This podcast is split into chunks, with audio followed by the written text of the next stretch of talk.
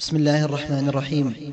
المحاضرة العاشرة وهي لفضيلة الشيخ صلاح بن محمد آل الشيخ إمام وخطيب جامع الأمير بندر بن محمد آل سعود والتي أقيمت يوم الاثنين السابع عشر من محرم وكانت بعنوان منهج أئمة الدعوة في الفقه. بسم الله. إن الحمد لله نحمده ونستعينه ونستغفره ونتوب إليه. ونعوذ بالله من شرور أنفسنا وسيئات أعمالنا.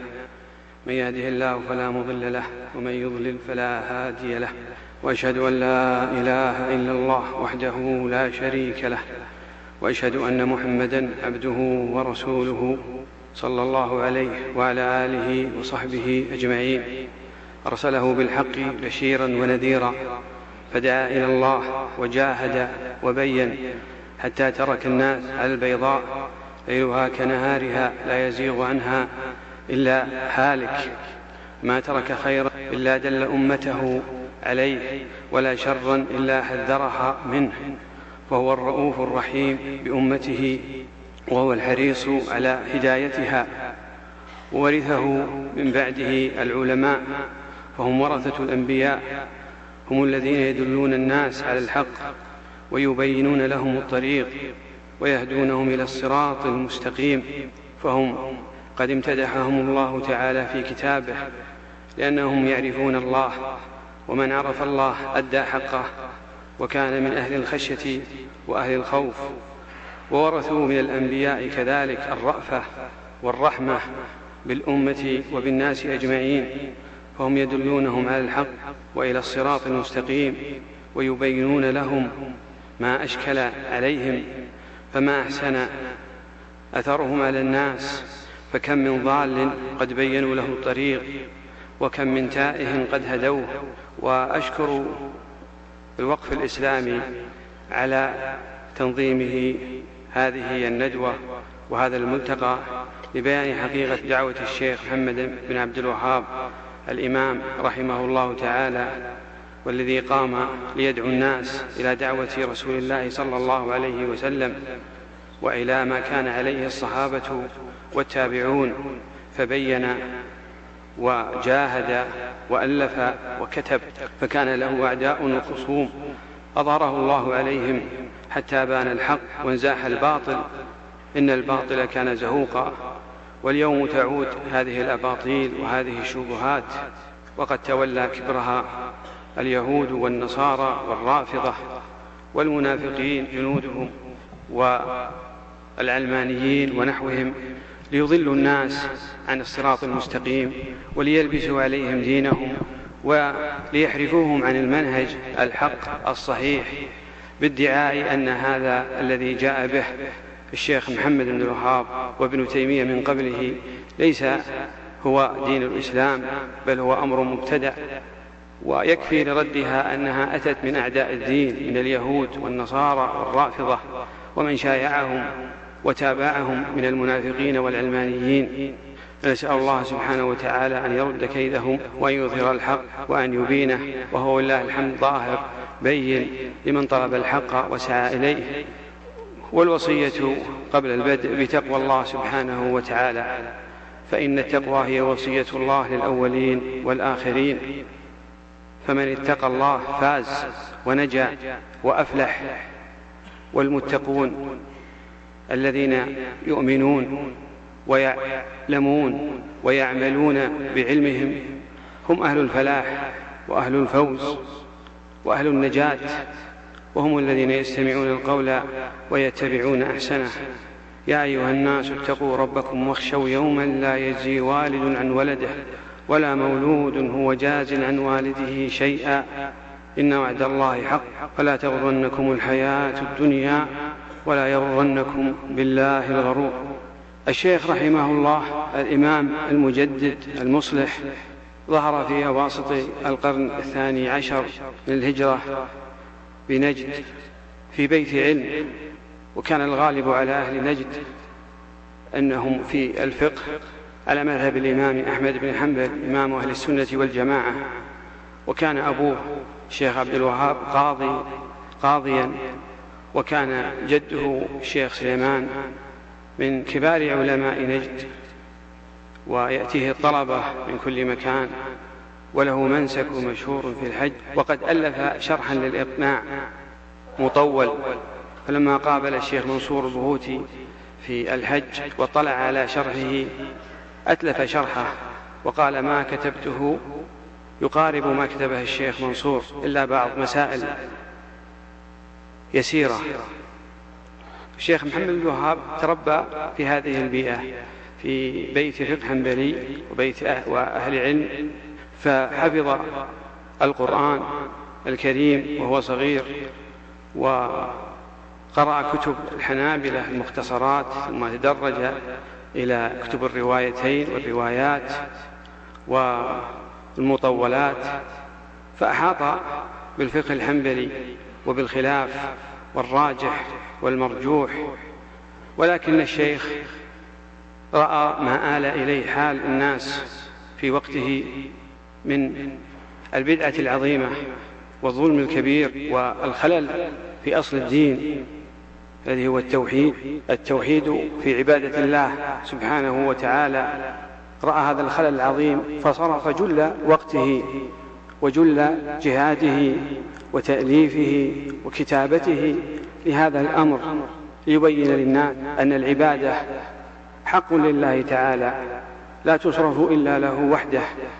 فمن أشرك بالله وصرف شيئا من العبادات للأولياء والصالحين دعاهم من دون الله أو مع الله ذبح لهم ونذر لهم واستعان بهم وتوكل عليهم فقد جعلهم آلهة.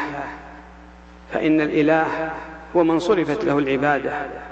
فمن صرف العبادة لغير الله فقد أشرك بالله وألف وأله هذا الذي صرف العبادة له.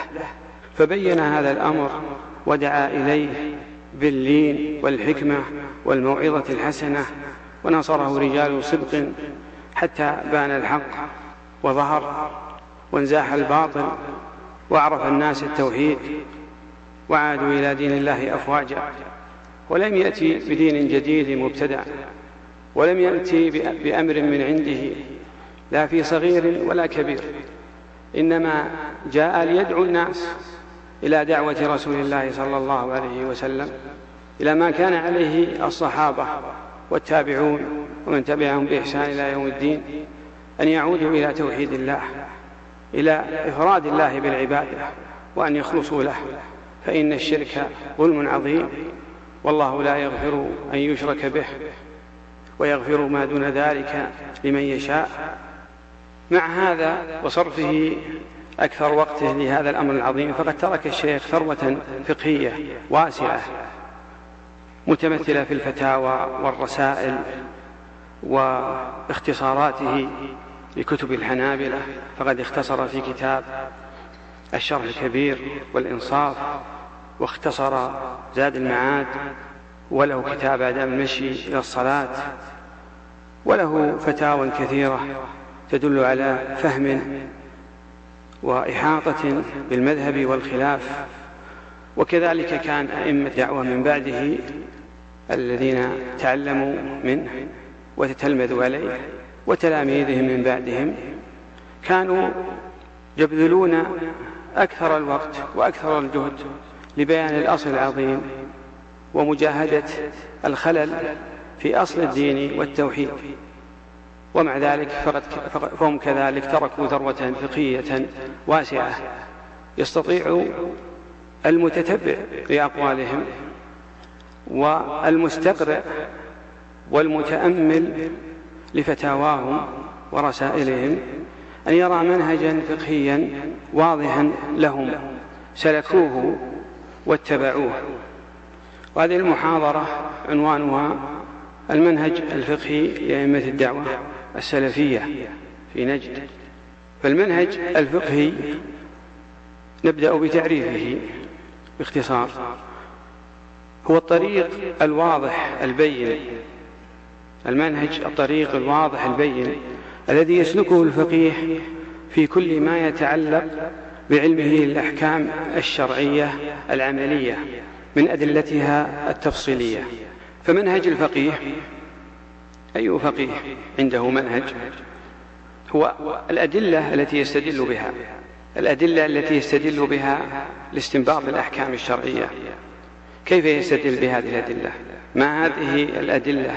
ترتيب الاستدلال بها وهو, وهو أيضا طريقته في أخذ الأخذ بأقوال من سبقه من العلماء. كيف يقلد ومن يقلد ومتى يخرج وكيف يتعامل مع المخالف وكيف تعلم الفقه وكيف يعلم الفقه وكيف يفتي ويحكم. فأصول الفقه التي هي أدلة الفقه جزء من المنهج الفقهي. وإن كانت هي أهم ما يمثل المنهج الفقهي هي أصوله. ويجدر الإشارة أن فقهاء أهل السنة والجماعة لهم منهج فقهي واضح يتميزون به عن مناهج المبتدعة فأهل السنة والجماعة فقهاهم فقهاؤهم جميعا الفقهاء منهم جميعا متفقون. جميعا على الاستدلال بالنصوص من القرآن والسنة وعلى الأخذ بالإجماع وبأقوال الصحابة وعلى استصحاب حكم البراءة الأصلية ثم القياس. أما أهل البدعة والضلالة فهم مع مخالفتهم لأهل السنة والجماعة في أصول الدين والعقيدة هم أيضا يخالفون في أصول الاستدلال. أهل السنة يستدلون بشيء وهم يستدلون بشيء آخر. فالقرآن الذي يستدلون به أهل البدعة هم يدعون أنه حرف ونقص منه ثم يفسرونه بحسب أهوائهم وشهواتهم فله باطن وظاهر. والسنة كذلك عند أهل السنة والجماعة هي ما أثر عن رسول الله صلى الله عليه وسلم. من قول أو فعل أو إقرار. أما هم فالسنة تختلف عندهم فلا يعترفون بكتب أهل السنة والجماعة الصحاح الصحيحين كتب السنة ولا يرون جرحهم وتعديلهم صحيحا. والسنة عندهم هي ما أثر عن الرسول صلى الله عليه وسلم أو الأئمة المعصوم أو أئمة أو الأئمة المعصومون عندهم. ومع هذا فالسند غير مراعى كله من الكذابين والوضاعين.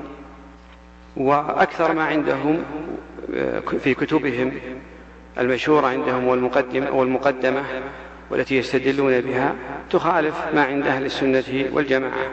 وأكثرها لا يرفع إلى الرسول صلى الله عليه وسلم بل إلى أئمتهم وهم يكذبون على أهل البيت ويدعون ولايته وأهل البيت براء منهم. وإجماع الصحابة وأقوال الصحابة مردودة لقولهم الشنيع في صحابة رسول الله صلى الله عليه وسلم. والقياس إنما يبنى على النصوص فما نبني عليه من النصوص غير ما يبنون هم عليه من النصوص. ولهم أن الإمام المعصوم له حق الزيادة والتغيير والنسخ وعلمه إلهامي إلهي وإن لم يصل إلى درجة النبي وبعضهم جعله في منزلة النبي وأكثر. ونحن لا نفتري عليهم بهذا ولكن كتبهم المعتمدة عندهم تقول ذلك وإمتهم الكبار يقولون بذلك. هذا الاختلاف في المنهج والتباين فيه جعل ما يذهبون إليه في الفروع بعيدا عن ما يذهب إليه أهل السنة والجماعة. فكما هم بعيد فكما هم بعيدون عن أهل السنة والجماعة في الأصول هم كذلك في الفروع. وقد أخطأ من اعتبر خلافهم من أهل السنة والجماعة وذكر مذهبهم وعد خلافهم حين ذكره للمسائل الفقهية أن هذا فيه تلبيس للناس. ولا يجوز لأحد أن يذكر قول يعلم بطلانه إلا أن يحذر منه ويبين للناس الخلل الذي فيه. فإذا كانت فإذا كان المنهج الفقهي أهم ما يبنى عليه أصول الأدلة هذه الأصول التي ذكرنا أن أهل السنة والجماعة لا يختلفون فيها فهم متفقون أن القرآن الكريم والسنة النبوية الصحيحة إجماع الأمة وأقوال الصحابة والقياس الصحيح استصحاب البراءة هي المصدر التي الذي يستمدون منه الدليل فيما يذهبون إليه.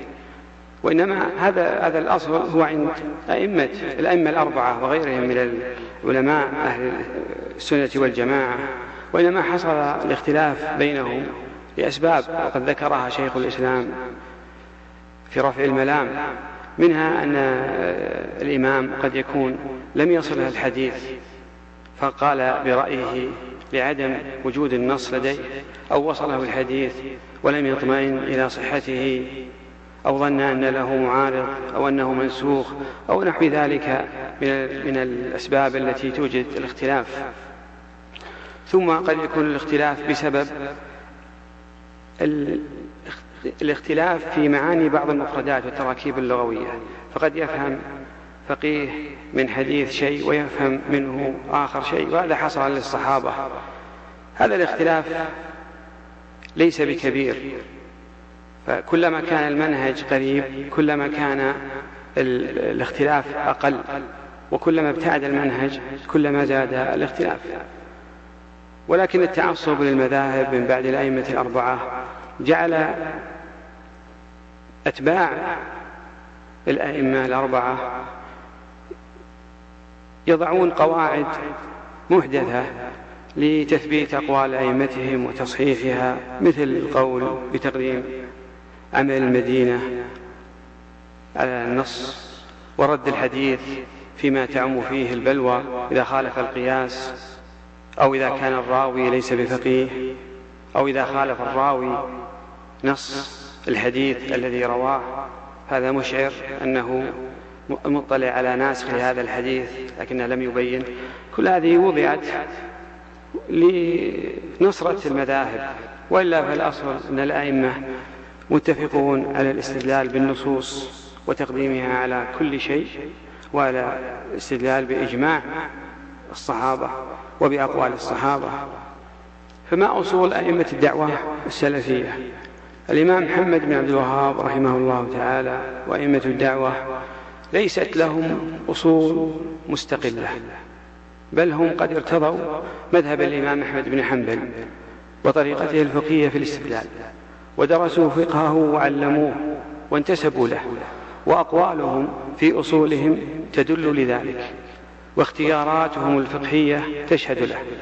يقول الإمام محمد تأمل رحمك الله ما كان عليه رسول الله صلى الله عليه وسلم وأصحابه بعده والتابعون لهم بإحسان إلى يوم القيامة. وما عليه الأئمة المقتدى بهم من أهل الحديث والفقهاء كأبي حنيفة ومالك والشافعي وأحمد بن حنبل رضي الله عنهم أجمعين لكي نتبع آثارهم.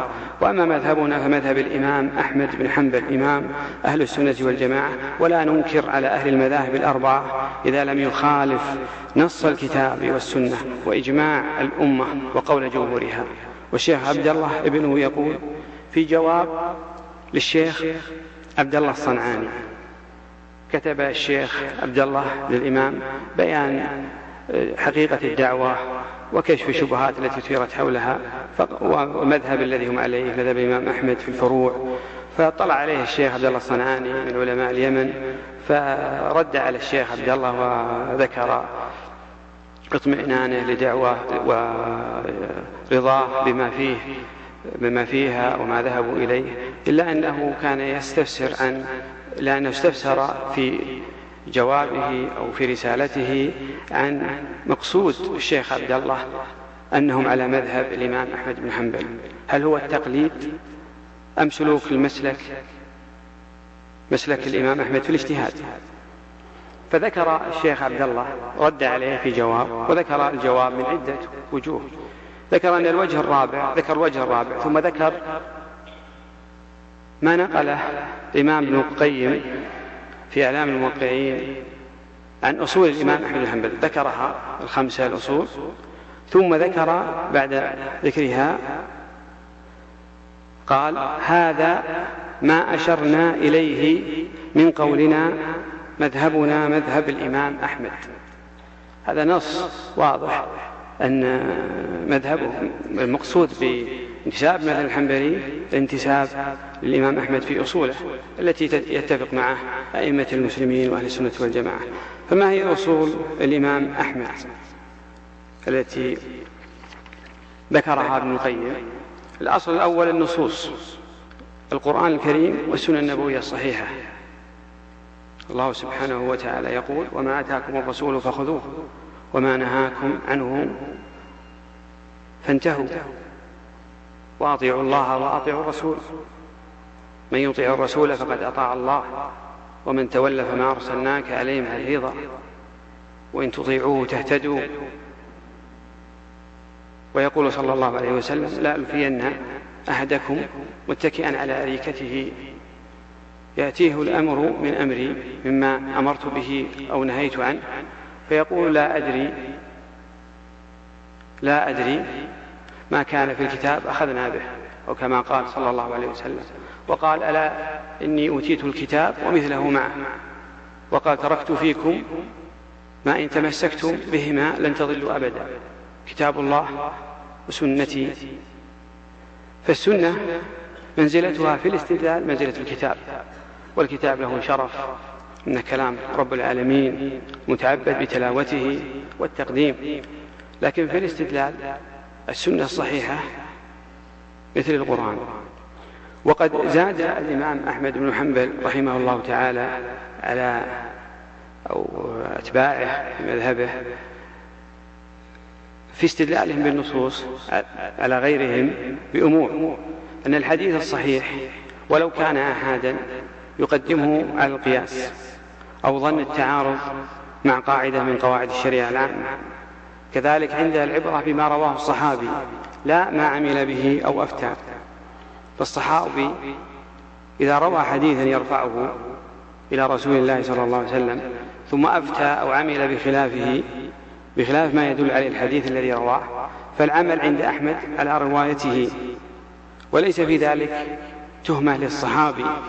فربما نسي ما رواه وربما كان عمله وفتواه بخلاف الرواية لسبب خفي من نحو المرض وضرورة ومصلحة راجحة. كذلك الحديث الآحاد الصحيح مقدم عند الإمام أحمد على عمل أهل المدينة. فالمالكية جعلوا من اتفاق أهل المدينة على العمل بخلاف الحديث الآحاد دليلا على عدم اعتبار الحديث. لأن أهل المدينة كما يقولون عاشوا مع رسول الله صلى الله عليه وسلم ورأوا أفعاله وتابعوه فيها وشهدوا التنزيل. فإذا جاء حديث الواحد مخالف لعملهم المتوارث كان ذلك مشعرا لعدم صحته. والمحققون من المالكية كما ذكره شيخ الإسلام يردون ذلك وينتقدونه. يقول الإمام أحمد لا ينبغي لرجل أن يضع كتابا على أهل المدينة في بعض أقاويلهم التي يذهبون إليها ويأخذون بها عن عمر والصحابة والتابعين.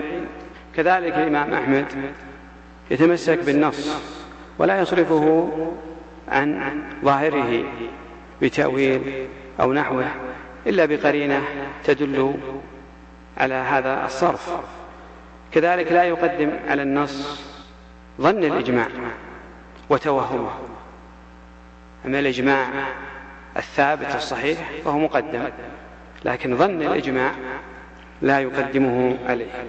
ومن شديد عناية الإمام أحمد أنه ألف كتابا في طاعة رسول الله صلى الله عليه وسلم رد فيه على من احتج بظاهر القرآن في معارضة السنن وترك الاحتجاج بها. ففي رواية ابن الحارث إذا كان يقول الإمام أحمد يقول إذا كان الخبر عن رسول الله صلى الله عليه وسلم صحيحا ونقله الثقات فهو سنة ويجب العمل به على من عقله وبلغه. ولا يلتفت ولا يلتفت إلى غيره من رأي ولا قياس. الأصل الثاني ما أفتى به الصحابة رضي الله عنهم أجمعين. فالصحابة عدول. لقد رضي الله عن المؤمنين يبايعونك تحت الشجرة. لو أنفق أحدكم مثل أحد ما بلغ مد نصيفهم مد أحدهم أو نصيفه. فهم عدول. بتعديل الله لهم. وهم خير الأمة. وهم أعلم الناس. وأتقاهم. وأبرهم. فما أفتى به الصحابة وأجمعوا عليه لا شك في الأخذ به. وكذلك إجماع من بعدهم. والإمام أحمد رحمه الله تعالى يستدل بالإجماع. قال قد أجمع الناس على أن هذه الآية في الصلاة. وإذا قرئ القرآن فاستمعوا له وأنصتوا لعلكم ترحمون. وقال أذهب في التكبير من غداة يوم عرفة إلى آخر أيام التشريق. قيل إلى أي شيء تذهب؟ قال بالإجماع عن عمر وعلي بن مسعود وابن عباس. وقد اشتهر أن قول ابنه قول ابنه عبد الله سمعت أبي يقول ما يدعي فيه الرجل الإجماع هو الكذب. من ادعى الإجماع فهو كذاب. لعل, لعل الناس اختلفوا وما يدريه ولم ينتبه إليه. هذه دعوى بشر المريسي والأصم. ولكن لا يقول ولكن يقول لا نعلم الناس اختلفوا ولم يبلغني ذلك. فتوهم البعض أن الإمام أحمد ينفي الإجماع بالكلية وهذا خطأ يرده استدلاله به في كثير من المواضع. ولكنه رأى أن المعتزلة رؤوس المعتزلة بشر بن غياث المريسي والأصم وهم لا يعرفون الحديث ولا يهتمون به ولا أقوال الصحابة وكانوا يدعون الإجماع ليروجوا باطلهم على الناس لذا الإمام أحمد أنكر عليهم وأنكر هذا الإجماع المبني على الظن وعلى الادعاء وعلى الكذب.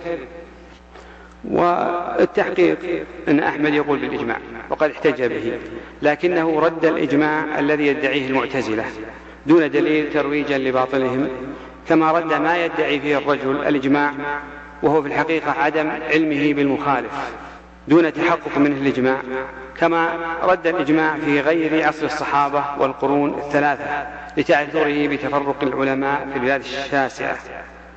الأصل الثالث عند الإمام أحمد هو التخير بين أقوال الصحابة إذا اختلفوا في المسألة وقع الاختلاف بين الصحابة الصحابة إذا اختلفوا في مسألة وقع بينهم اختلاف فيه في فيها فالإمام أحمد كان يتخير من أقوالهم ما هو أقرب إلى كتاب الله وسنة رسوله صلى الله عليه وسلم.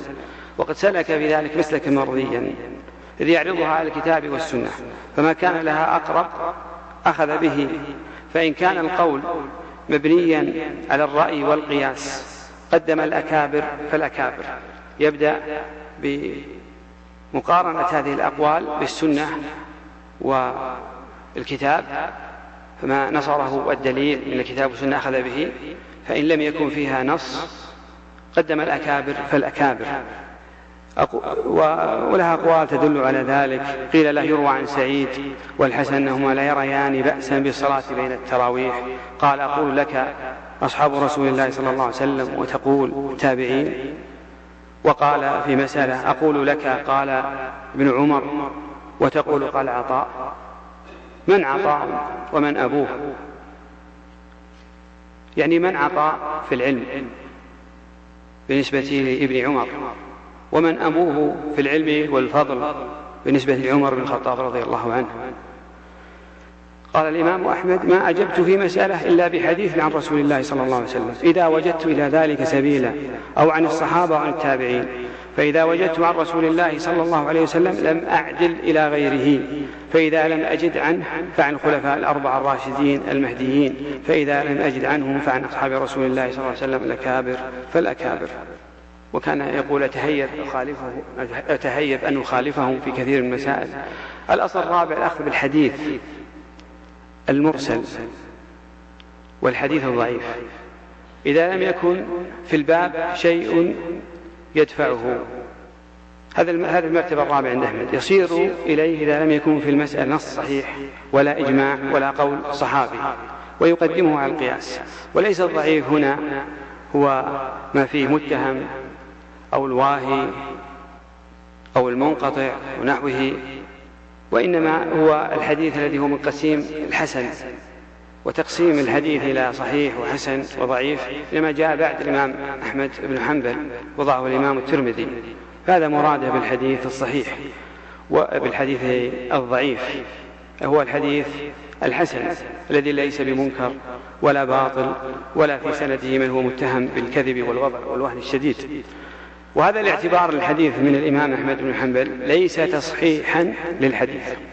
ليس تصحيحا للحديث. ولكنه تغليب له على القياس. إذ لا يخرج هذا الأثر والحديث الضعيف الحسن عن كونه حديثا صحيحا أو قول لصحابي أو تابعي. وما يدل على تقديم أقوال الصحابة على المرسل والضعيف في مسائل أبي هاني. قال قلت لأبي عبد الله حديث عن رسول الله صلى الله عليه وسلم مرسل برجال ثبت أحب إليك أو حديث عن صحابة رسول الله صلى الله عليه وسلم أو عن التابعين متصل برجال ثبت. قال عن الصحابة أعجب إلي. الأصل الخامس القياس. ولا يستعمله الإمام أحمد إلا في الضرورة. إذا لم يجد في المسألة نص ولا قول للصحابة أو واحد أو لواحد منهم. يقول الإمام أحمد سألت الشافعي عن القياس قال إنما يصار إليه عند الضرورة. فجعلوا القياس بمنزلة التيمم إذا لم يوجد الماء والقياس المعتبر عندما كانت العلة في الفرع مساوية للعلة في الأصل. ومثل ومن أمثلة المسائل التي استدل لها الإمام أحمد بالقياس مسألة المغمى عليه هل يقضي ما فاته من الصلاة حال إغمائه فأوجب عليه القضاء قياسا على وجوبه على النائم إذا فاتته الصلاة بالنص. وكذلك قاس منع بيع الحديد بالحديد والرصاص بالرصاص متفاضلا قياسا على بيع الذهب بالذهب والفضة بالفضة متفاضل والمتتبع لفتاوى الإمام أحمد رحمه الله وأجوبته يجد قليلا ما يصير إلى القياس لسببين رئيسيين. أولا كثرة محفوظه من السنن والآثار. قال عبد الوهاب الوراق ما رأيت مثل أحمد بن حنبل. رجل سئل عن ستين ألف مسألة فأجاب فيها بقوله أخبرنا وحدثنا. قال أبو زرع الرازي كان أحمد يحفظ ألف ألف حديث. ومسنده شاهد له على ذلك. السبب الثاني منعه السؤال عما لم يقع من المسائل وفرض الاحتمالات والتصورات التي أكثر منها أهل الرأي أهل الكوفة. كان يمنع ذلك ولا يستحبه. وكان يقف كثيرا عن الفتيا إذا تعارضت ولا مرجح. يقول عبد الله كنت أسمع أبي كثيرا ما يسأل عن المسائل فيقول لا أدري ويقف إذا كانت مسألة فيها اختلاف كثير. هذا هو المقصود. هذه هي أصول الإمام أحمد التي هي أصول أئمة الدعوة السلفية أصول الإمام محمد وتلاميذه وتلاميذهم. وهذه الأصول متفق عليها بين أهل السنة والجماعة وإنما التعصب بالمذاهب جعل بعض المتعصبين يزيدون فيها ويضعون ما لا يرتضيه الأئمة الأربعة. ولأن الشيخ وتلاميذه ذكروا أنهم على مذهب الإمام أحمد بن حنبل في الفروع. اتهمهم الخصوم أنهم حنابلة مقلدة. ولأنهم خالفوا المذهب, المذهب الحنبلي في مجموعة من المسائل معروفة ومدونة قال آخرون من الخصوم خالفوا المذهب وادعوا الاجتهاد. ولا نشير أن الخصومة بين الشيخ وخصومه لم تكن في هذه المسائل الفرعية وإنما كانت في أصول الدين في العقيدة. الشيخ محمد رحمه الله قال أن الدعاء لا يصرف إلا لله والنذر والذبح وكل العبادات لا تصرف إلا لله وحده. فمن صرف العبادة لغير الله فقد أشرك. وقد ألها من صرف العبادة له من دعا غير الله من دعا غير الله من الأولياء والصالحين فقد ألهه وعبده مع الله أو من دون الله. هذا هو مكان الخصومة مع الأعداء هم سموا هذه الأمور الشركية توسل وشفاعة وتبرك بالصالحين إنما هذا من تلاعب الشيطان بهم. فإن الله سبحانه وتعالى قد أخبر عن المشركين أنهم اعتذروا بمثل هذه الأعذار. ويعبدون من دون الله ما لا يضرهم وينفعهم ويقولون هؤلاء شفعاؤنا عند الله. وفي الآية الأخرى ما نعبدهم إلا ليقربونا إلى الله زلفى. هذه الوسيلة وهذه الرغبة في الشفاعة والدعاء له والطلب منه.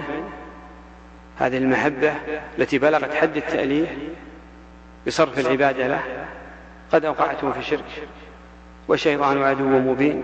لا يزال بابن آدم يغريه حتى يوقعه في الشك والشرك والارتياب والخروج من الدين. فكان الخصوم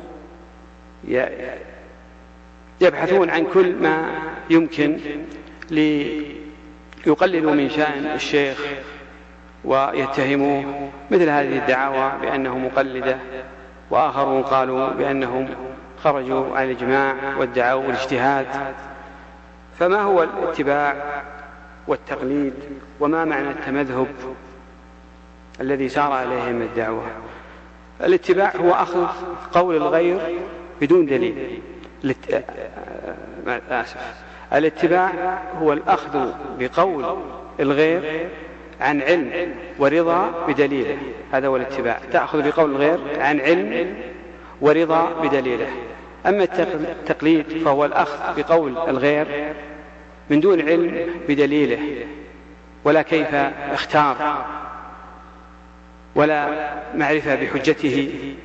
إنما هو قبول لهذا الشخص فيأخذ منه دون اعتبار.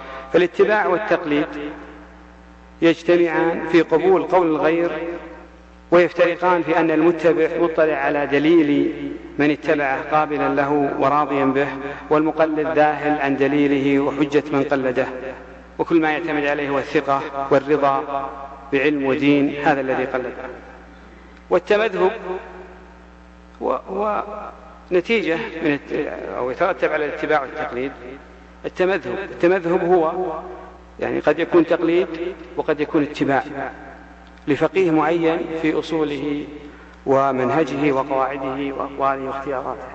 فالمتمذهب بمذهب إمام قد يكون مقلد له إذا كان يتبع أقواله دون معرفة بدليله وقد يكون متبع له إذا كان يعرف أدلته ويسير على حسب أصول إمامه ومنهجه. فما حكم التمذهب؟ تكلم الفقهاء عن عن حكمه تكلم شيخ الإسلام تيمية رحمه الله تعالى عن ذلك. ففي في هل هل هل يجوز التمذهب ولا يجوز؟ في تفصيل. المتمذهب مذهب عالم من العلماء.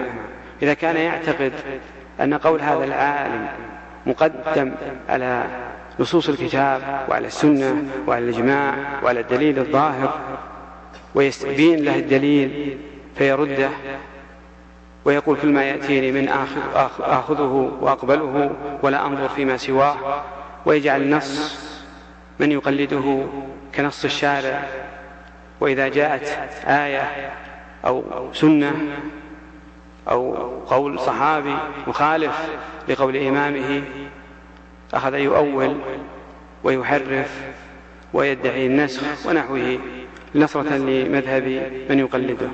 أما أن أريد بالتمذهب هو سلوك طريق ومنهج وأصول صاحب المذهب في الوصول للحكم الشرعي والرجوع لقوله عند اشتباه المسألة وتعارض الأدلة لديه والتتلمذ والتدرج على كتب المذهب مع عدم التعصب متى ظهر الدليل وبان بخلاف قول إمامه فهذا محمود ومطلوب. وكذلك التمذهب يكون في حق العام مذموم ومحمود. إذا مذموم إذا كان بانت له الحجة ثم تركها وقال قلد فلان ولا أبأ في السنة ومحمود إذا كان لم يبن شيء ولم يعرف الدليل واحتاج إلى العمل وقلد من يثق بدينه وعلمه قبل الدين. إن الله سبحانه وتعالى قال فاسألوا أهل الذكر إن كنتم لا تعلمون. فلا بأس بهذا. أئمة الدعوة ينتسبون للمذهب. يقول الشيخ الإمام نحن ولله الحمد متبعون لا مبتدعون على مذهب الإمام أحمد بن حنبل. فإن الذي أنا عليه وأدعوكم إليه هو في الحقيقة الاقتداء بأهل العلم فإنهم قد وصوا الناس بذلك. وقال الشيخ عبد الله نحن في الفروع على مذهب الإمام أحمد بن حنبل ولا ننكر على من قلد أحد الأئمة الأربعة دون غيرهم لعدم ضبط مذاهب الغير. ومتى مخالفة المذهب؟ يعني دلت أقوال أئمة الدعوة أنهم يخالفون المذهب وأن, وأن المراد بتمذهبهم وبسلوكهم مذهب الإمام أحمد وسلوك أصوله لا التقليد والتعصب لكل قول يقوله. يقول الشيخ إذا اختلف كلام أحمد وهذه نصوص واضحة بينة ترد على من ادعى غير ذلك. إذا اختلف كلام كلام أحمد وكلام الأصحاب فنقول في محل النزاع التراد إلى الله ورسوله صلى الله عليه وسلم. لا إلى كلام أحمد ولا إلى كلام الأصحاب ولا إلى الراجح من ذلك. ولقد يكون الراجح والمرجوح من الروايتين والقولين خطأ. ويقول ينبغي للمؤمن أن يجعل همه وقصده معرفة أمر الله ورسوله صلى الله عليه وسلم في مسائل الخلاف والعمل بذلك. ويحترم أهل العلم. ويوقرهم ويوقرهم ولو أخطأوا وهذا طريق المنعم عليهم.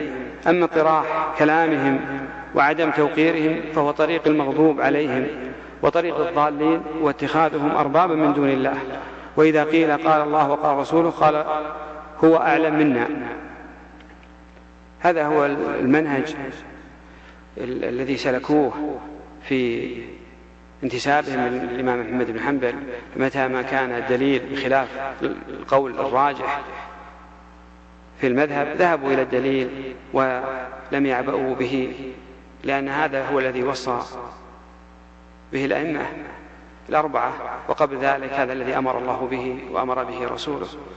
وأطيعوا الله وأطيعوا الرسول وأولي الأمر منكم فإن تنازعتم في شيء فردوه إلى الله والرسول.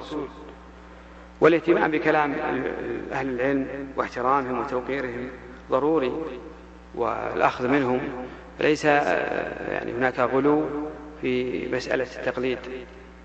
كان الغلو في السابق بالتقليد والتعصب للأئمة وتقديم أقوالهم على النصوص وعلى الراجح الذي دل عليه الدليل. وفي هذا الزمان ولله الحمد قل التعصب ولكن ظهر عدم اعتبار كلام العلماء والاعتداد بالرأي وعدم الأخذ بأقوال من سبق ومعرفة الخلاف هذا يعين طالب العلم ويحتاج إليه لمعرفة الصحيح فإنه لا يستطيع أن يستقل بنفسه إلا إذا بلغ حدا عاليا من المعرفة بالسنن وأقوال الصحابة. أما أن يترك أقوال العلماء ويقول أنا أبحث بنفسي في السنن وأصل إليه فهذا طريق قد يؤدي به إلى عدم الاهتداء إلى الصحيح. فلا بأس أن يرى ويقرأ وينظر في كلام أهل العلم ويقيس هذا الكلام بالأدلة الصحيحة فما وافق أخذ به وما لم يوافق رده على قائله وكل يؤخذ من قوله ويرد إلى رسول الله صلى الله عليه وسلم. وهذا أيضا التقليد وقع كذلك في العامة. وابتلي الناس في هذا الزمان بكثرة من يتكلم ويدعي العلم ويفتي الناس بجهل وبعدم تحقيق بعدم معرفة بل ربما بهوى. وفتاواه تصل إلى الناس عن طريق وسائل الإعلام التي كثير منها يقوم عليه من لا يرضى دينه ولا أمانته ولا خلقه فيروجون مثل هذه الأقاويل عند الناس. ويروجون أن المسلم أن يختار منها ما يشاء. وهذا باطل لأن من تتبع الرخص يفسق بذلك ويؤدي إلى وقوعه في الخطأ لا محالة.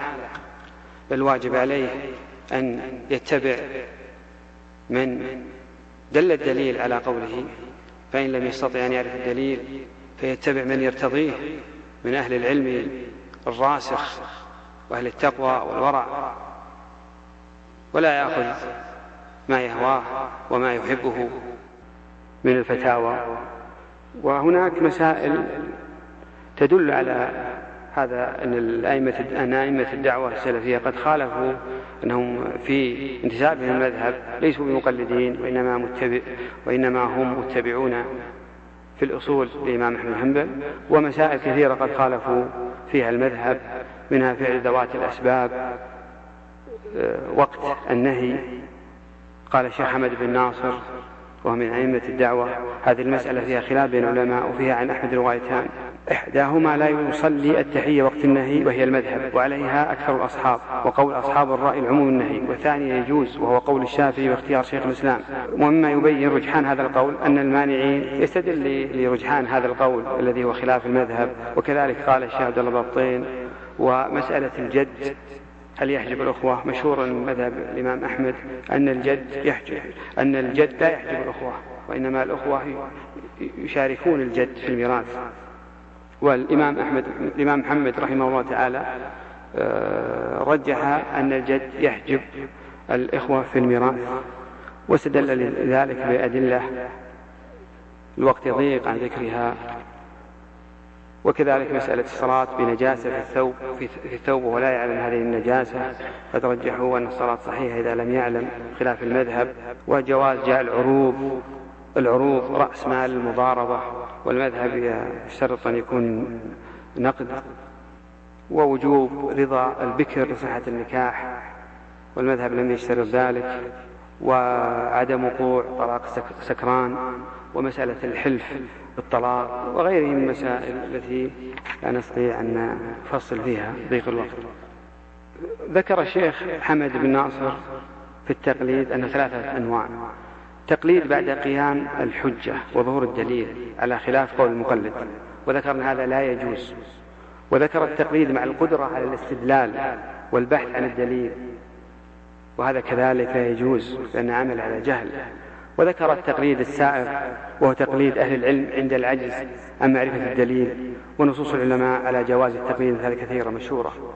فالتقليد يصار إليه عند الضرورة وهذه الضرورة تضيق الدائرة عند طلبة العلم وتتوسع كلما قل العلم.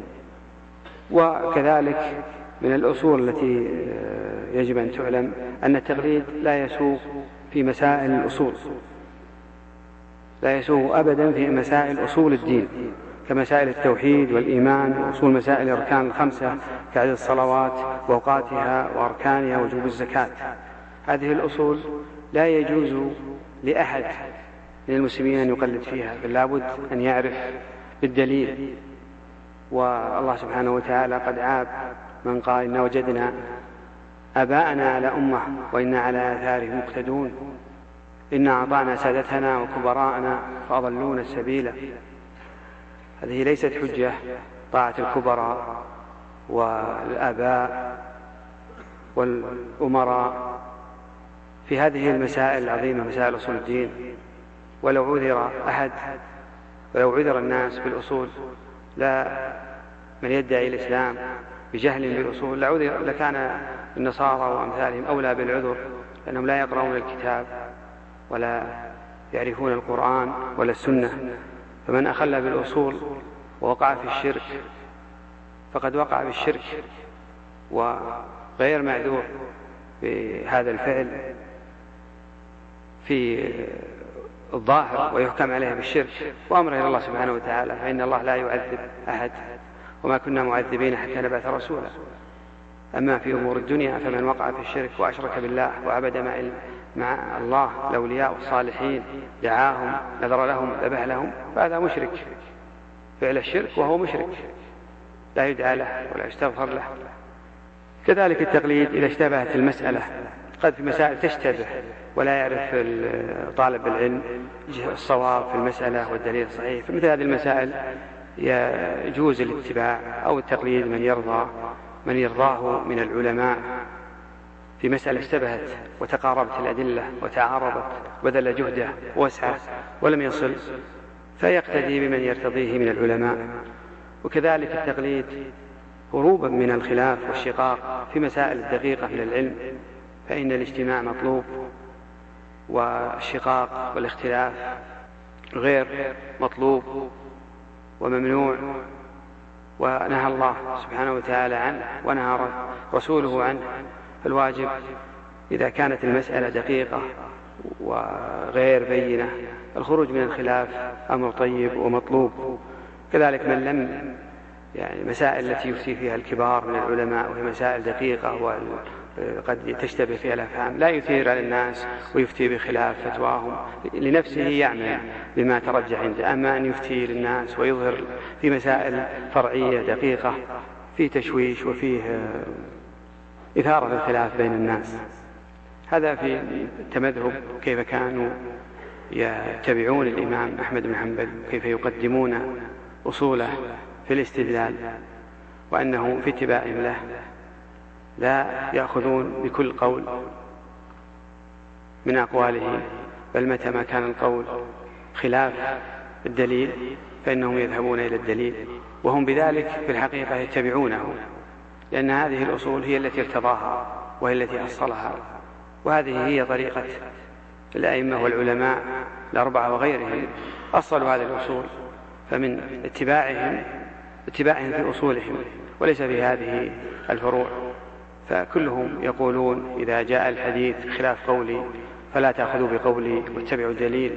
فمن رأى الدليل الواضح عنده فتركه لقول مقلده واتباع الدليل هو الذي أمره به إمامه. مكانة شيخ الإسلام ابن تيمية رحمه الله تعالى.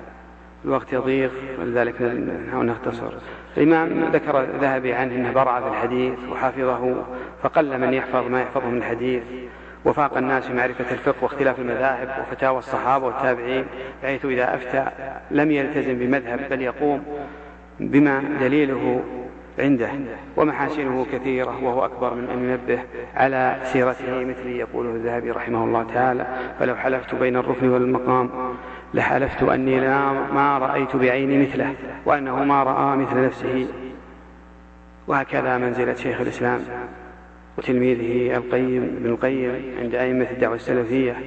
فالشيخ قد لخص كثير من أقواله وكتبه وفتاواه ومسائله وأخذ بكثير من أقواله واستدل به كثيرا ما يقول. قال شيخ الإسلام قال ابن القيم يقول الشيخ عبد الله وعندنا أن الإمام ابن القيم وشيخه أن الإمام ابن القيم وشيخه إماما حق من أهل السنة وكتبهم عندنا من أعز الكتب إلا أننا غير مقلدين لهم في كل مسألة فإن كل أحد يؤخذ من قوله ويترك. إلا نبينا صلى الله عليه وسلم ومعلوم مخالفتنا لهما في عدة مسائل. وشيخ الإسلام ابن تيمية رحمه الله تعالى له اختيارات واسعة وله فقه واسع ومعرفة عظيمة بالسنن وباللغة وبالحديث وبأقوال الصحابة والإجماع اختلاف العلماء. فكان يجتهد فيها حسب الأصول المتفق عليها بين أهل السنة والجماعة ويسلك فيها ما يؤول به ويؤديه الدليل إليه فهو قد بلغ درجة الاجتهاد لعظيم علمه ومعرفته وله اختيارات. ذكرها أهل العلم وذكرها الحنابلة ذكرها في الفروع ابن مفلح وفي الإنصاف المرداوي وفي حاشية بن قاسم. الشيخ عبد الرحمن بن قاسم رحمه الله تعالى حاشية عروض المربع ذكر اختيارات شيخ الإسلام وجمعها كذلك ابن القيم وعلاء الدين البعلي في كتاب مطبوع وكذلك في رسالة دكتوراه محمد موافي آه، باسم تيسير الفقه الجامع لاختيارات الفقهية شيخ الإسلام ابن تيمية. فله اختيارات كثيرة منها ما وافقه عليها أئمة الدعوة السلفية ومنها ما لم يوافقوه عليها. فالتمثيل أن جواز الطهارة بما خلت به امرأة لطهارة وقد وافقه أئمة الدعوة على هذا الاختيار خلاف المذهب وقال لا حد لأقل الحيض ولا لأكثره. وأظن أن الشيخ محمد إبراهيم رحمه الله تعالى قد وافقه على هذا القول. والطلاق البدعي لا يقع. يعني من طلق طلاقا بدعيا فإن طلاقه لا يقع. الطلاق البدعي أن يطلق في وقت الحيض أو في طهر جامع فيه امرأته. هذا طلاق بدعي. شيخ الإسلام تيمية رأى أن هذا الطلاق لا يقع خلافا للأئمة الأربعة والمشهور. وله دليله وله حجته والمجتهد إذا أصاب له أجران وإذا أخطأ له أجر وهذا لم يوافقه عليه أئمة الدعوة السلفية. كذلك طواف الحائض عند الضرورة. ما وافقوه على هذا على غالب أهمية الدعوة. والضرورة التي قدرها شيخ الإسلام ابن تيمية رحمه الله تعالى ليست ضرورة في وقتنا هذا. فإن المرأة إذا حاضت في الحج تستطيع أن تنتظر حتى تطهر ثم تطوف وهي على طهر ووسائل النقل متوفرة ويمكن أن ينتظر معها شخص واحد. من محارمها للعودة بها. فليست المسألة وصلت حد الضرورة ليفتى بجواز بجواز طواف الحائض. والضرورة عند شيخ الإسلام تيمية في وقته غير الضرورة في وقتنا. والله أعلم. والظاهر أن أئمة الدعوة لم يوافقوا على هذا. كذلك طلاق السكران. أن آه، المذهب أن طلاق السكران يقع لأنهم يعاملونه إذا كان ذهاب عقله بسبب يعذر فيه مثل الإغماء أو المرض فلا يقع الطلاق. أما بسبب لا يعذر فيه مثل السكران ونحوه فهذا عقوبة له يوقعون الطلاق. وشيخ الإسلام لم يصوب هذا الرأي لأن الأدلة بخلافه ووافقه أئمة الدعوة على هذا القول فلم يوقعوا طلاق آه، السكران. وهناك قواعد وآداب ذكرها أئمة الدعوة في المسائل الفقهية وفي الفقه والتفقه. قال الشيخ رحمه الله تعالى أربع قواعد عظيمة من قواعد الدين. نذكرها لضيق الوقت. تحريم القول على الله بغير علم. وهذا لكي يحتاط الناس في ما يقولون على الله.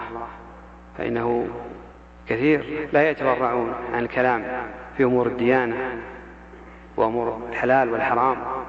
وهو أمر عظيم. ويتورعون عن الكلام في أمور الدنيا يقول لا نفهم في الصناعة ولا نفهم في كذا وكذا أما أمور الدين فيتكلموا فيها بغير علم وهذا أمر عظيم. كذلك القاعدة الثانية إن ما سكت عنه الشارع فهو عفو لا تسألوا عن أشياء تبد لكم تسؤكم. ما سكت عنه الشارع فهو عفو. كذلك القاعدة الثالثة ترك الدليل الواضح والاستدلال المتشابه وهو طريق أهل الزيغ. الله سبحانه وتعالى يقول من آيات محكمات هن أم الكتاب وأخر متشابهات. فأما الذين في قلوبهم زيغ فيتبعون ما تشابه منه ابتغاء الفتنة وابتغاء تأويله وما يعلم تأويله إلا الله. أهل الزيغ وأهل الباطل يتبعون المتشابه يستدلون بالأحاديث الضعيفة بالخيالات بالأحلام يؤولون يحرفون. فإذا رأيت الذين يتبعون المتشابه فهؤلاء الذي الذين حذر الله منهم فاحذرهم. والرابعة وهي مسألة عظيمة قاعدة عظيمة. وهي قوله صلى الله عليه وسلم الحلال بين والحرام بين وبينهما أمور مشتبهة. يقول الشيخ رحمه الله من لم يفطن لهذه القاعدة وأراد أن يتكلم على كل مسألة بكلام فاصل فقد ضل وأضل. نعم هناك أمور مشتبهة. وقع. فالواجب أن لا يقتحم يقول هذه حرام هذا حرام هذا واجب هذا يجب إذا قد يستخدم بعض الألفاظ أكرهه استحبه أو يتوقف إذا لم يعلم المسألة قول. وقد وقع الخلاف بين الصحابة في وقت الرسول وبعد رسول الله صلى الله عليه وسلم. وهم وينصحون بعضهم وهم أهل الخشية لله سبحانه وتعالى وهم أهل الرحمة بالأمة. يدلونهم على الخير وينصحونهم إليه وهم القدوة الحسنة. فلا تثار المسائل البسيطة وتكبر ويحصل الخلاف بسببها. هذا ليس من هدي رسول الله صلى الله عليه وسلم ولا هدي صحابته ولا هدي التابعين لهم بإحسان. كل يعذر الآخر في مثل هذه المسائل. لذا الإنكار له درجات. قال الشيخ رحمه الله تعالى من قال لا إنكار في مسائل الاجتهاد يقول الشيخ الإمام من قال لا إنكار في مسائل الاجتهاد إن أراد مسائل الخلاف إن أراد مسائل الخلاف كلها فهذا باطل يخالف إجماع الأمة. فما زال الصحابة ومن بعدهم ينكرون على من خالف أو أخطأ كائنا من كان. ولو كان أعلم الناس وأتقاهم. وإذا كان الله قد بعث محمدا صلى الله عليه وسلم بالهدى ودين الحق وأمرنا باتباعه وترك ما خالفه فمن تمام ذلك الاتباع للرسول أن من خالفه من العلماء مخطئا نبه وأنكر عليه. أما أن أريد بمسائل الاجتهاد مسائل الخلاف التي لم يتبين فيها الصواب فهذا كلام صحيح. وهذا مطبق طبقها أئمة الدعوة. كان خلافهم مع أهل البدع عظيم وحربهم عليه عليهم كبير. ولم يدققوا في كثير من المسائل الفرعية الخلافية وتجاوزوها بحدود بحسب حجم المخالفة في هذه المسألة الفرعية ووضوح الدليل فيها. وكان الخصومة والعداوة مع من خالفوا والإنكار الشديد مع من خالف في أصول الدين في أمور التوحيد أن وقع في الشرك بالله العظيم فجعل له ندا يدعوه ويعبده ويسأله ويستغيثه من دون الله. يقول الشيخ حسين وعبد الله أولاد الشيخ محمد مسائل الخلاف بين الأئمة لا إنكار فيها إذا لم يتبين الدليل القاطع. والصحابة رضي الله عنهم قد اختلفوا في أشياء من مسائل الفروع ولم ينكر بعضهم على بعض. كذلك كانوا يستحبون الخروج من الخلاف. يقول الشيخ عبد الرحمن حسن الجدد الثاني أما صلاة الجمعة قبل الزوال فهو وقت لها عند الإمام أحمد.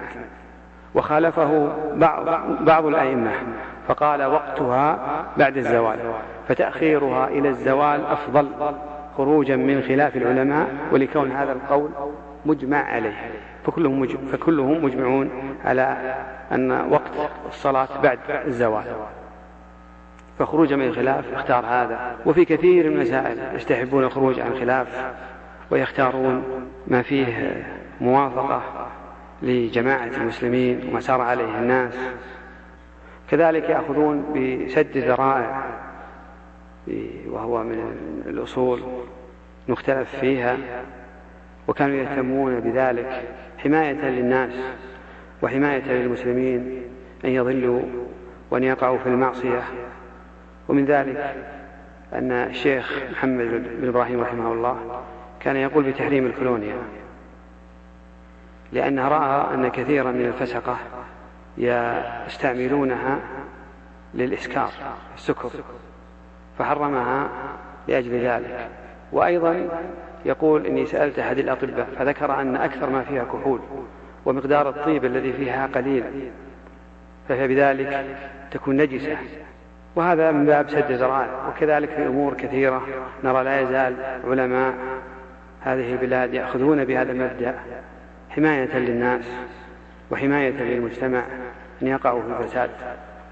ولكن أهل الضلال وأهل الزيغ والمنافقين والتغريبيين الذين تأثروا بالغرب وحضارته وانبهروا بباطله وزخرفه وفجوره يريدون أن يضلوا الناس عن الحق ويحرفونهم عن ما جاء به رسول الله صلى الله عليه وسلم من البينات والهدى. العلماء يرحمون الناس يريدون لهم الخير يريدون لهم النجاة يريدون لهم الفوز. وهؤلاء يريدون لهم الشر يريدون أن يحرفوا أن يحرفوهم عن الحق وعن الطريق الصحيح وعن الطريق المستقيم إلى الغواية والضلال. و وقد وقع الاختلاف بين أئمة الدعوة في مسائل كثيرة. يضيق الوقت عن ذكرها. وأصلي وأسلم على نبينا محمد وعلى آله وصحبه أجمعين وأسأل الله سبحانه وتعالى أن يوفقنا لما يحبه ويرضاه ويجعلنا هداة مهتدين وأن ينير قلوبنا بالإيمان وأن يجمع الكلمة على التقوى وأن ينصر المجاهدين في كل مكان وأن يعلي كلمة الدين وأن يهدي ولاة أمور المسلمين ويوفقهم لكل خير ومعروف. ويرزقهم البطانة الناصحة التي تدلهم على الخير وتعينهم عليه. وصلى الله وسلم على نبينا محمد وعلى آله وصحبه. جزا الله الشيخ خير الجزاء وجعل ما قال في ميزان حسناته وجعلنا وإياكم ممن يستمع القول فيتبع أحسنه. نستأذن فضيلته في عرض بعض الأسئلة عليه. هذا سائل يقول فضيلة الشيخ صلاح على الشيخ؟ حفظه الله. السلام عليكم ورحمة الله وبركاته. هل كان هناك بدع وخرافات على وقت على وقت والد الشيخ محمد بن عبد الوهاب وفي وقت جده رحمهم الله جميعا؟ وهل كانت دعوتهم إلى الله بنفس قوة الشيخ محمد؟ وجزاكم الله خيرا. بسم الله. نعم. كانت البدع موجودة وكان الشرك موجود في وقت الشيخ وقبل وقته. فإن الناس قد عادوا إلى الجهالة والبدعة والضلالة وعاد الإسلام قريبا كما بدأ كما أخبر صلى الله عليه وسلم. والعلماء في ذاك الوقت منهم من رأى هذه المنكرات وضعف عن إنكارها وعن تغييرها لأن هذه المسألة ليست سهلة. أن يبدأ الإنسان بأمر مثل هذا يحتاج إلى رسوخ في العلم.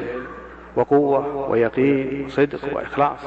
وهذا لا يحصل كثير من العلماء والمتفقهة فهم معذورون من هذه الجهة. والله أعلم بيدرهم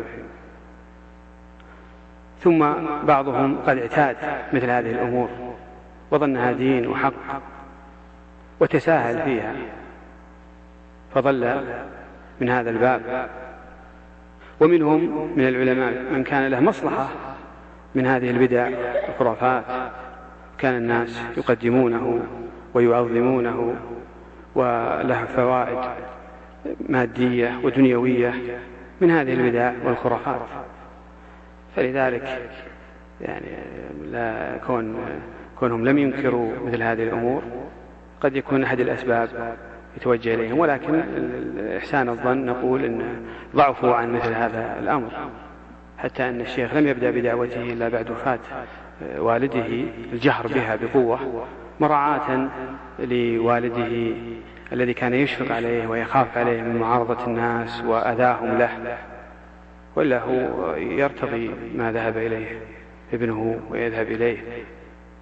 وكذلك أخوه الشيخ سليمان آه، ظهر الشيخ وعداه وألف في ذلك. ما هو ضد الشيخ لأن ألف هذه المسائل وألف الشرك واحتج له بالمتشابه من القول. والراجح أنه تاب من سوء صنعه ورجع إلى القول الحق قبل وفاة. ذكره كثير من أهل العلم أنه تاب ورجع من قوله. أحسن الله إليكم. هل كان لأئمة الدعوة مؤلفات في الفقه؟ نعم له مؤلفات يعني الشيخ محمد له مختصر في شرح الكبير والإنصاف. جمع الكتاب جمع الكتابين الكبيرين المطولين في فقه الحنابلة في كتاب اختصره في مجلد واختصر زاد المعاد وله كتاب آداب المشي الصلاة وله فتاوى ومسائل مدونة في الدرر السنية موجودة. والدرة السنوية السنية تحتوي على آه، مجموعة كبيرة من فتاوى ومسائل التي ذكرها أئمة الدعوة السلفية في المسائل الفقهية. أعتقد من المجلد الرابع إلى المجلد قد العاشر أو الحادي عشر كلها في مسائل الفقه. وتلاميذهم كذلك منهم من ألف مؤلفات مستقلة خصوصا من المتأخرين. ومنهم من كان له آه، حواشي على المختصرات وله شروح ولهم رسائل في مسائل معينة من مسائل الفقه وأصول الفقه. أحسن الله إليكم. يقول نسمع كثيرا من المشايخ ينهون عن قراءة كتب ابن حزم رحمه الله لا سيما كتابه المحلى هل يعتبر هذا من قبيل نبذ المذهبية؟ إذ هو مذهب قائم. أم المراد أن لا يتأثر القارئ بعبارات ابن حزم التي فيها الشدة على بعض الأئمة علما بأن الراجح أحيانا قد يكون مع ابن حزم رحمه الله. أفتونا وجزاكم الله خيرا. الإمام ابن حزم معروف إمامته في الفقه وكتابه يشهد له بذلك لكن عابه ما فيه من الجرح والذم لكثير من العلماء. فلذلك كان كثير من أهل العلم لا يستحبون قراءة كتبه. كذلك فيه استدلالات يعني يحتاج إلى طالب علم متمكن يستطيع أن يعرف الراجح آه، في القول لكي يذهب إليه. فمن من هذا القبيل قد يحذر بعضهم من قراءة كتب الإمام حزم المحلى من هذا الباب فقط. والله أعلم. يقول أحسن الله إليكم ذكر فضيلتكم أن الإمام أحمد يأخذ برواية الراوي دون قوله إذا خالف ما رواه. هل هذا على الإطلاق؟ لأن الإمام أحمد وغيره من أئمة الحديث قد, قد يضعفون الحديث لمخالفة الراوي لما رواه. عند وجود القرائن وجزاكم الله خيرا. هذا في الأصل. هذا كتأصيل أن الراوي إذا خالف ما رواه العبرة بما رواه لا بما ذهب إليه. لكن قد يكون مضطرد هذا التأصيل تكون في كما يعني فصل الأخ جزاه الله خير قد تكون. يقول أحسن الله إليكم لقد ذكرت مرارا فضيلة الشيخ محمد بن ناصر. فهل تقصد الألباني رحمه الله؟ لا ما ذكرت محمد بن ناصر أبدا إنما ذكرت حمد بن ناصر بن عمر وهو من أئمة الدعوة السلفية الكبار. درس على شيخ الإسلام محمد بن الوهاب وأرسله مناظرا لأهل مكة فناظرهم في أمور التوحيد وأقام الحجة على العلماء من المالكية والحنفية والشافعية والحنابلة وله رسالة فواكه العذاب وهو إمام صدق وحق له فتاوى ورسائل ومسائل تدل على فقه وعلم. ولا مقصود الشيخ المحدث الإمام الفاضل الألباني. رحمه الله تعالى. يقول أحسن الله إليكم هل كان الشيخ محمد بن عبد الوهاب رحمه الله مجتهدا مطلقا أو مقلدا محضا؟ أو كان في منزلة بين المنزلتين في ذلك أفتون مأجورين؟ الشيخ قال أنه, أنه لا يدعي الاجتهاد المطلق. قال عن نفسه. والزمن الذي كانوا فيه كان من خالف المذهب رمي بأنه مجتهد مطلق وأنه يعني يدعي الاجتهاد وكانت هذه تهمة في ذاك الزمن. والاجتهاد يتجزأ والاجتهاد يعني يتباعد والناس في درجات بحسب قوتهم في الفهم ومحفوظهم من الأدلة. لكن المجتهد المطلق كما ذكر العلم أن له أصول مستقلة له. أصلها ووضعها ثم تبع عليه كلام الإمام الشيخ محمد رحمه الله من هذا الباب آه، ليست له أصول إنما أصول أصول الإمام أحمد فهو متبع. قد يكون مجتهد في المذهب لكنه ليس مجتهد مطلق. أحسن الله إليكم. هل يلزم من تقليد الأئمة تقليدهم في أصول الدين في العقيدة؟ كيف؟ يقول هل يلزم من تقليد الأئمة في الفقه تقليدهم في أصول الدين وهي العقيدة؟ ذكرنا أن أصول الدين لا تقليد فيها لا يجوز لأحد أن يقلد في أصول الدين بل واجب عليه أن يعرف الحق بدليل يسأل أهل العلم ويستفتيهم ويعرف منهم ويعرف أدلتهم لكي يعبد الله على نور وعلى علم وعلى يقين.